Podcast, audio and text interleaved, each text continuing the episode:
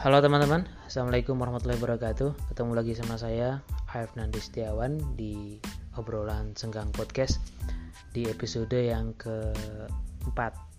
Ini episode pertama di bulan Februari. Uh, Di bulan Januari kemarin Saya bikin tiga episode. Teman-teman nanti bisa scroll di Spotify. Episode-episode apa saja yang belum uh, yang belum kalian dengar. Buat yang baru yang baru buat yang buat yang baru datang ke podcast ini ini adalah podcast di mana saya uh, sharing uh, buku bacaan ataupun random touch yang tiba-tiba hadir kayak gitu atau kadang-kadang kalau ada waktu saya juga ngajak ngobrol uh, teman yang punya pemikiran ataupun pengalaman yang layak untuk di uh, sharing kayak gitu. Nah, uh, di episode kali ini saya pengen ngobrolin tentang dua jenis pemahaman. Kebetulan buat ke sini saya bikin sebelum tidur, jadi isinya nggak lama nih kayaknya ya, paling 15 menitan. Nah, kurang lebih kayak gini teman-teman. Nanti kita ngomongin uh, dua jenis pemahaman kayak gitu. Karena uh, pengalaman pribadi itu biasanya kayak gini nih. Ada orang yang paham bisnis ya kan? Paham bisnis dia banyak baca buku bisnis ikut seminar bisnis. Mungkin dia uh, tahu banyak hal tentang bisnis paham betul gimana cara kerja suatu bisnis itu secara konseptual. Tapi giliran dipraktekin orang ini biasanya gelagapan kayak gitu. Saya juga sama dulu uh, banyak banget baca buku bisnis kebetulan suka banget terutama yang startup startup kayak gitu. Banyak banget buku startup yang sudah saya baca juga saya senang nonton YouTube nonton nonton orang-orang kayak Peter Thiel kemudian uh, siapa tokoh-tokoh startup dari Silicon Valley itu sudah saya tonton gitu. Tapi giliran bikin startup beneran wah itu ada. Seperti masuki dunia yang berbeda kayak gitu. Nah ini nggak cuma terjadi di dunia di dunia bisnis ya saya pikir tapi di dalam banyak hal. Salah contohnya umpamanya ada orang yang menganggap bahwa oh dosen itu bisanya cuma teori akademisi itu bisanya cuma teori jangan teori doang dong ayo praktek ke lapangan kayak gitu. Terus juga mungkin yang uh, orang-orang akademisi atau orang-orang yang uh, hari-hari bergelut teori wah praktek terus nih tanpa ada teori ya kamu prakteknya nanti nggak karuan. Gitu. teori itu penting ya. Uh, dua hal dua orang ini biasanya dua tipe orang yang teoritik maupun yang praktis ini selalu punya let's say macam ortodoksi masing-masing ya. Ada yang saklek banget sama teorinya ada juga yang saklek banget sama prakteknya. Yang suka praktek teori itu nggak penting. Yang suka teori praktek itu ya nggak tapi penting. Yang penting itu teorinya. Dulu nah kali ini saya pengen ngobrolin uh, dua hal itu ya. Jadi ada dua jenis pemahaman yang uh, pemahaman yang yang bisa terjadi kepada kepada siapa pun gitu. Oke yang pertama itu adalah pemahaman yang sifatnya itu konseptual Pemahaman yang sifatnya konseptual ini maksudnya kita paham akan suatu subjek atau suatu topik tapi paham hanya dalam konsepnya saja. Contohnya begini, teman-teman tahu digital marketing. Oke, untuk bisa paham digital marketing secara konsep yang teman-teman lakukan itu ya sederhana sebenarnya.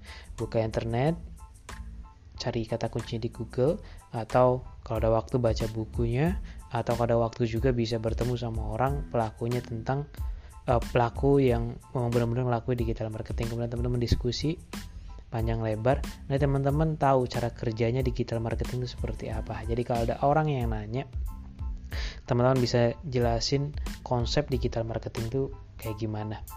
Ini yang di digital marketing umpamanya. Kemudian yang di bisnis ya ataupun yang di startup gitu karena saya startup oke okay lah kita ngomong uh, contohnya startup gitu. Banyak orang yang paham konsep startup itu cara kerjanya seperti apa. Mulai dari bikin produk bikin tim atau bahkan idenya itu seperti apa yang membedakan startup sama yang bukan. Banyak orang hari ini yang paham konsepnya karena teori atau pengetahuan tentang startup itu ya sekarang ada di mana-mana. Seminarnya juga banyak gerakannya juga termasuk sedang ramai-ramainya sekarang apalagi banyak startup-startup gede kan kayak Gojek dan kawan-kawan. Nah uh, kalau ditanya gimana konsep startup itu cara bikinnya dan sebagainya banyak orang yang bisa menjawab gitu. Kenapa? Karena ini adalah pengetahuan yang sifatnya konseptual didapat dari hasil uh, uh, hasil dari uh, belajar atau suatu pengetahuan. Di fase ini kalau menurut saya ini ya, ya skill utamanya untuk kita bisa paham secara konseptual itu yang pertama ya kita harus punya kemampuan curiosity atau rasa penasaran yang menggebu-gebu. Artinya nggak cukup hanya kemudian baca satu buku oke udah cukup gitu. Artinya kita terus mencari haus akan ilmu dan sebagainya. Yang kedua itu kita harus punya rasa kritis ya kritis atau skeptis. Itu ini ya dasar berpikir ilmiah aja maksudnya. Jadi kalau kita baca sesuatu oh masa sih kayak gini? Akhirnya kita mencari-cari lagi sumber bacaan yang lebih banyak sehingga pengetahuan kita itu nanti juga lebih banyak sehingga kita bisa menjelaskan konsepnya kepada orang lain itu jauh lebih mendalam. Uh, modalnya menurut saya yang kalau di untuk untuk apa namanya bisa mengasah konseptual yang utama yaitu membaca ya kan? Yang kedua itu uh, melihat praktek orang lain kemudian mendengarkan pengalaman-pengalaman orang lain sehingga dengan kita bisa membaca mendengar atau melihat maka kita akan cukup punya cukup informasi gimana suatu bisnis ataupun suatu konsep digital marketing tadi itu bekerja. Lebih kayak gitu. Kalau yang paling sering kita lakukan ya kalau teman-teman mahasiswa umpamanya ya yang kuliah lah ya itu pasti pemahamannya dibangun atas pemahaman yang sifatnya konseptual. Kan diajarin teori setiap hari ngampus setiap hari dikasih tugas kemudian dapat mata kuliah baru kemudian harus belajar sehingga nanti di ujian ditanya ketika teman-teman tanya mungkin paham konsepnya seperti apa. Jadi orang yang paham secara konseptual ya dia bisa menjelaskan gimana suatu subjek ataupun suatu bidang itu bekerjanya gimana secara secara jelas kayak gitu. Ya mungkin teman-teman hari ini kalau nanya gimana sih cara bikin startup startup itu apa ke saya saya bisa jelasin secara konseptual gitu. Oke. okay. Tapi kalau prakteknya nah ini nanti beda cerita. Oke okay. tadi kita ngomongin yang sifat pemahamannya yang konseptual. Sekarang pemahaman praktikal. Nah pemahaman praktikal ini seperti namanya adalah pemahaman yang kita dapat setelah kita mempraktekkan apa yang kita tahu. Oke okay jadi kita ambil contoh umpamanya digital marketing. Oke kita memahami gimana uh, digital marketing itu bekerja itu kalau kita mempraktekkan jadi kita nggak cuma paham secara konseptual gimana konsepnya tapi juga kita benar-benar mempraktekkan dan tahu nanti jadinya itu seperti apa kalau dipraktekkan apakah nanti sesuai dengan konsep yang kita pahami di awal atau kemudian ada beberapa asumsi-asumsi dalam teori itu kemudian yang berbeda. Nah, ini contoh dalam marketing juga dan sama dan bisnis. Untuk bisa memang benar paham secara praktikal bisnis seperti apa, ya benar harus benar-benar praktek. Gitu. Kalau secara konseptual mungkin kita paham bisnis itu harus seperti ini, seperti seperti ini. Umpamanya dalam teori bisa dalam teori marketing mix ya. Oh, apa namanya? 4P, promotion, kemudian fresh dan sebagainya eh ketika di praktek ada hal di luar teori itu umpamanya kalau bikin cafe atau bikin uh, bisnis pinggir jalan lah kecil kayak gitu. Oh ternyata ada pajak premannya. Ada uang retribusinya. Ini kan yang nggak nggak tentu ada di di teori dan sifatnya. Itu yang namanya pengalaman di bisnis itu sifatnya kasuistik. Gitu. Nah ini adalah pengalaman yang uh, pemahaman yang didasari oleh oleh adanya praktek. Jadi kalau kamu pengen paham sesuatu secara mendalam itu uh, praktekkan apa yang kamu tahu. Ini jadi pahaman yang kedua. Makanya uh, orang yang belajar uh, bisnis di seminar mungkin dia bisa menjelaskan gimana cara kerja suatu bisnis, tapi ketika mempraktekkan nanti ada beda ceritanya. Kenapa? Dalam mempraktekkan itu kita nggak cukup hanya dengan kemampuan ke eh, curiosity atau hanya penasaran atau kemampuan untuk membaca buku saja atau kemampuan critical thinking. Tapi ketika kita benar-benar mempraktekkan yang menurut saya nih ya yang uh, skill dasarnya itu adalah ya tadi uh, complex problem solving yang harus kita punya. Complex problem solving itu uh, ini tak jelasin dulu ya karena orang banyak yang miskonsepsi atau misleading memahami yang namanya complex problem solving. Complex problem solving itu bukan un, bukan kemampuan untuk menyelesaikan masalah yang sulit ya. Ini catat complex complex problem solving itu kemampuan atau skill untuk menyelesaikan masalah. Masalah yang sifatnya itu banyak elemen penyusunnya. Kan kompleks itu beda sama complicated. Kompleks itu maksudnya elemen penyusunnya itu ada sangat sangat banyak banget. Gitu. Jadi sering kait mengait bukan apa namanya?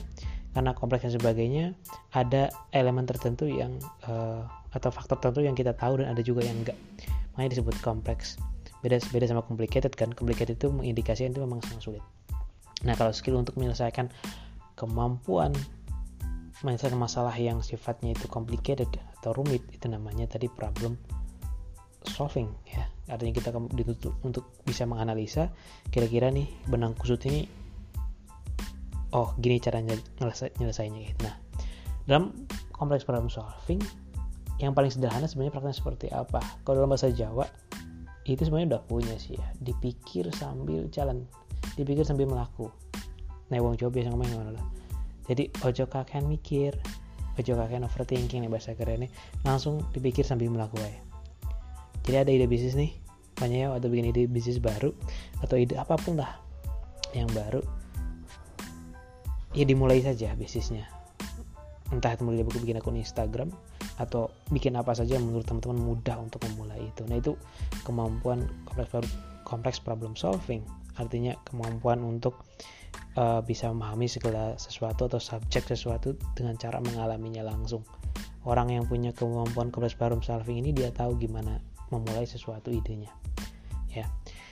Itu yang kedua itu ya uh, ketekunan, perseverance. Artinya kita itu uh, akan paham akan suatu subjek ya entah itu digital marketing atau bisnis ataupun yang lain ketika kita punya ketekunan untuk uh, untuk melakukannya gitu.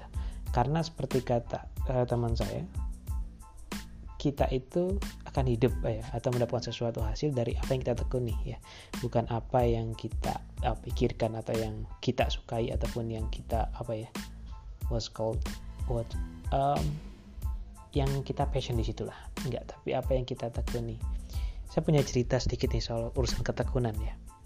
Dia sambil ngobrol-ngobrol apa namanya sorry ngobrolnya mawar mambrah tapi nggak apa lah.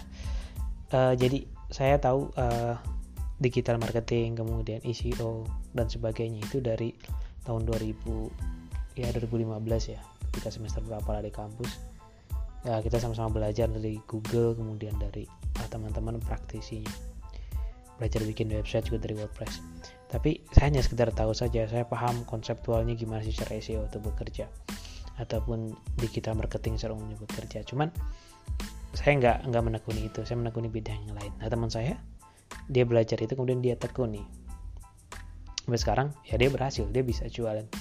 Dia nggak hanya paham gimana digital marketing itu bekerja secara teoritik atau konseptual tapi memang paham secara praktikal itu gimana itu jadi dia sekarang bisa makan dari uh, hasil yang dia tekuni. Itu yang ketekunan. Ya selanjutnya adalah ya, ya kesabaran. Ya kalau kita pengen paham segala sesuatu segala sesuatu itu secara praktikal ya selain dari ketekunan ya sabar. Sabar itu maksudnya bukan apa ya bukan ya udahlah enggak. Tapi buat ya kita yakini apa yang kita kerjakan akan membuahkan hasil punya bikin bisnis hari ini nggak laku. Terus kalau apa namanya terus kalau nggak sabar ya bisa tutup lah ganti bisnis yang lain atau uh, nggak lanjut bisnis lagi. Nah ini contohnya nggak sabar. Tapi ketika yang sabar adalah oke okay, hari ini nggak laku apa yang kurang apa yang harus diperbaiki tapi one day nanti kemudian ini laku atau bisnis ini kemudian bakal maju kayak gitu. Jadi kita tuh sabarnya itu progresif visioner bahwa kita tahu itu nanti akan jadinya seperti apa. Kalau kita sedikit saja bisa lebih sabar. Soal urusan sabar nih uh, saya punya insight yang bagus ya dari dari Seth Godin pakar uh, marketing. Uh, ada rilis buku namanya The Deep. The Deep itu ya kalau kita gambarkan hidup kayak lembah cekungan kayak gini nih. Ya jadi ketika kita mulai sesuatu itu itu pasti menggebu-gebu banget. Wah senang banget. Namun kita marketing. Wah pengen banget belajar di kita marketing. Terus kemudian mulai praktek. Temu startup bikin ini bikin ini. Wah langsung senang banget ya antusias banget. Tapi ketika di titik tertentu ya kan titik tertentu aduh kayak terasa mentok gitu jadi kita kayak aduh udah ngelakuin ini mentok ngelakuin ini mentok. Pokoknya apa yang diharapkan realitasnya itu nggak seperti ya intinya apa yang diharapkan itu uh, beda banget sama sama realitasnya. Nah kita sedang masuk ke dalam fase the deep namanya. Artinya kita berada di lembah atau ya sebut saja jurang atau lembah ya antara dua bukit itu lembah gitu. Jadi uh, kalau kata Seth Godin hanya ada dua pilihannya kalau kamu keluar maksudnya keluar dari lembah ini dari apa namanya dari dari deep ini artinya kamu mundur ya kamu kalah nih. Kalau kamu tetap bertahan di situ kemudian berusaha untuk keluar dari lembah itu kamu berhasil. Kamu akan menjadi orang yang ya sebenarnya sukses kayak gitu. Di sini memang butuh namanya skill kesabaran. Artinya untuk bisa paham segala sesuatu secara praktikal ya memang tadi ya selain tadi kemampuan kompleks problem solvingnya yang kedua itu uh, soal uh, tadi saya lupa uh, ketekunan perseverance yang tiga ini soal passion atau kesabaran. Gitu. Orang yang memang punya kemampuan uh, praktik pemahaman secara praktikal iya dia biasanya punya apa ya uh, insight-insight yang unik terhadap suatu subjek gitu.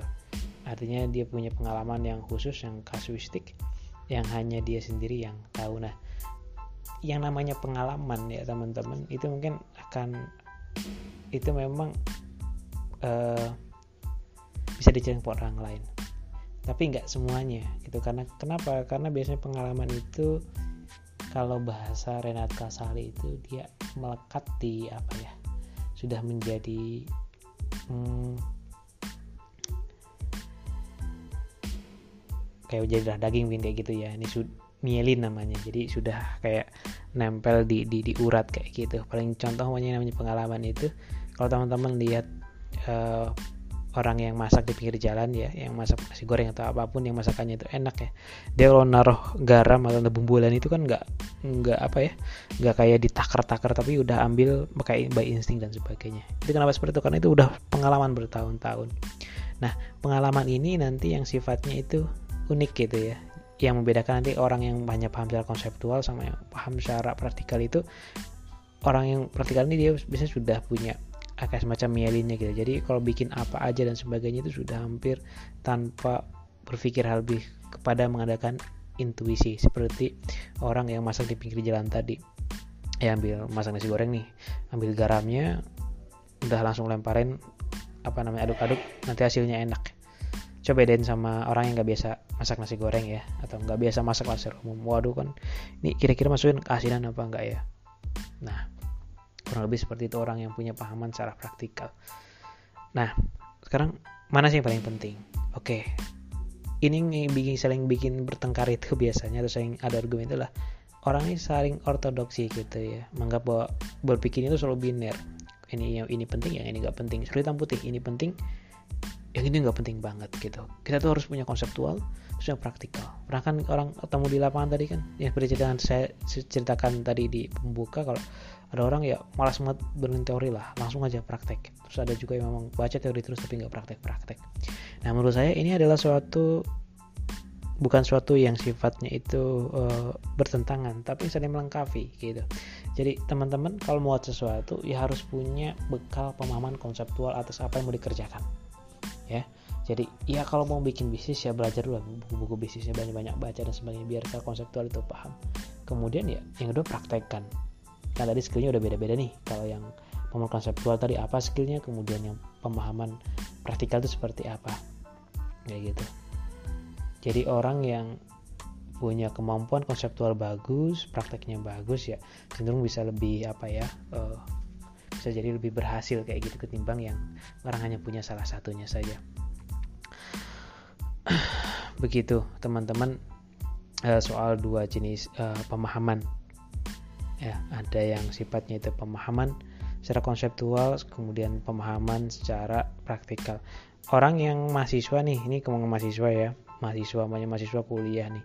Mahasiswa itu hanya punya kemampuan ya pemahaman sifatnya konseptual. Kenapa? Karena kerjanya kan cuma ngampus belajar dan sebagainya. Even kamu pun mahasiswa yang profesi ya artinya profesi eh, kayak perawat atau dokter ataupun profesi yang lain ketika dia belum praktek benar-benar di lapangan ya.